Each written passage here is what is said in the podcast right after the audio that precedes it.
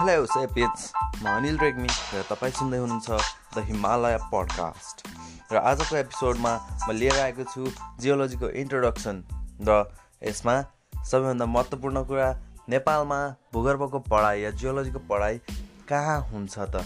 त्यो कुरा बुझाउने छु र त्यसपछि भूगर्भको तपाईँसँग के कनेक्सन छ?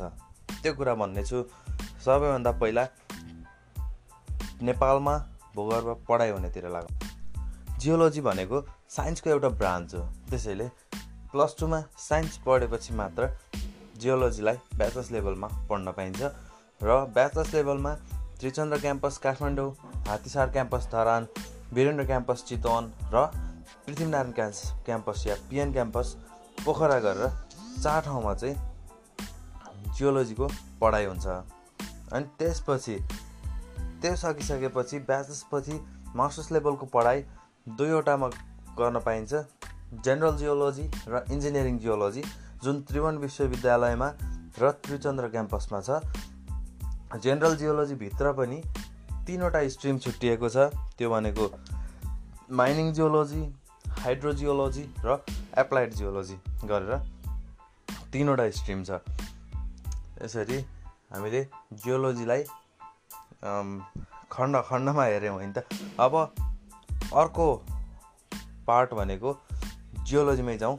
जियोलोजी भन्ने बित्तिकै पृथ्वी र पृथ्वी बन्ने प्रोसेस या पृथ्वीभित्रको अध्ययनलाई जनाउँछ र जियोलोजीको चाहिँ एउटा मात्र डेफिनेसन छैन। यसलाई चाहिँ जियोलोजीको ब्रान्चहरू धेरै छन् जस्तै प्यालेन्टोलोजी जस्तै फसिलको अध्ययन गर्छ स्ट्रक्चर जियोलोजी जसले चट्टानको अवस्थितिको अध्ययन गर्छ पेट्रोलोजी जसले चट्टानकै अध्ययन गर्छ अनि मिनरोलोजी जसले मिनरलहरूको अध्ययन गर्छ हाइड्रोजियोलोजी जसले ग्राउन्ड वाटरको अध्ययन गर्छ माइनिङ जियोलोजी जसले खानी तथा खनिज पदार्थहरूको अध्ययन गर्छ यसरी धेरै धेरै नै भास्ट सिनारियो छ जियोलोजीको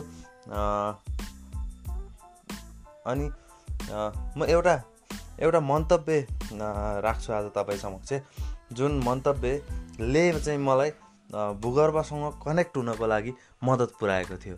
भनेको डाक्टर कविराज पौडेल जो मेरो गुरु हुनुहुन्छ हाम्रो सर टियुमा पढाउनुहुन्छ माइनिङ जियोलोजीको कोअर्डिनेटर पनि हुनुहुन्छ उहाँ।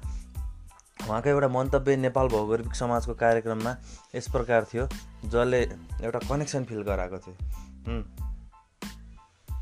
मानव सभ्यताको विकास सोझै भूगर्भ विज्ञानसँग सम्बन्धित छ। यहाँहरूलाई थाहा नै छ खनिज भनेको भूगर्भको केन्द्रीय विधा हो। मानव सभ्यताका महत्त्वपूर्ण कालखण्डहरूलाई ढुङ्गे युग तामा युग फलामे युग अनि स्टिल युग र न्युक्लियर युग गरी पाँच खण्डमा विभाजन गरेर खनिजको नामबाटै नामाकरण गरिएको छ। आज हेर्नुहोस् भौतिक संरचना निर्माण गर्न यातायातका साधन उद्योग धन्दा सञ्चार कम्प्युटर केमिकल अनि अजैविक ऊर्जा जस्तै पेट्रोलियम इन्धन ग्यास सबै भूगर्भका उत्पादन हुन्। त्यसै गरी जमिनको बलियोपना निर्धारण गर्न बलियो सुरुङ निर्माण गर्न सडक बनाउन भूमिगत जलको विकास गर्न प्राकृतिक विपदहरू जस्तै भूकम्प पहिरो बाढी हिमताल हिमतालको विस्फोटन आदिको उचित व्यवस्थापन र न्यूनीकरण गर्न भूगर्भको ज्ञान अपरिहार्य छ। हामी प्रत्येक पल खनिजमा आधारित उत्पादनसँग साक्षात्कार गरिरहेका हुन्छौँ। हामी बस्ने घर ढुङ्गा माटो बालुवा गिटी र सिमेन्टले बनेको छ। डन्डी फलाम खानीबाट आएको छ। भित्तामा पेरिसिप्सम पोतिन्छ घरमा पोत्ने रङ जमिनबाटै आएको हो। अनि झ्यालको सिसा सिलिका बढी भएको बालुवा पगालेर बन्दछ। तार तामाले बनेको छ। आल्मुनियम खनिजबाटै झिकिन्छ। धाराहरू स्टिल फलामले बनेका छन्। भान्सामा ग्रेनाइट भर्याङमा मार्बल आदि पनि भूगर्भकै उपज हुन्। एउटा गाडी हेरौँ। औसतमा एक टन फलाम दुई सय पचास पाउन्ड अल्मुनियम पचास पाउन्ड कार्बन बयालिस पाउन्ड कपर एकचालिस पाउन्ड सिलिकन बाइस पाउन्ड सिल जिङ्क आदि सबै गरी पैँतिसभन्दा बढी खनिज पदार्थको प्रयोग भएको हुन्छ। अब घरभित्र हेरौँ खाना पकाउने भाँडा बाल्ने ग्यास लेख्ने पेन मोबाइलका ब्याट्री जुन लिड लिड निकेल क्याडमियम र लिथियमबाट बनेको हुन्छ। अनि कृषि औजारहरू खेतबारीमा प्रयोग हुने मल विषादी पनि खनिजबाटै बनेको हो। यसरी अब जाउँ भौतिक पूर्वाधारतर्फ है।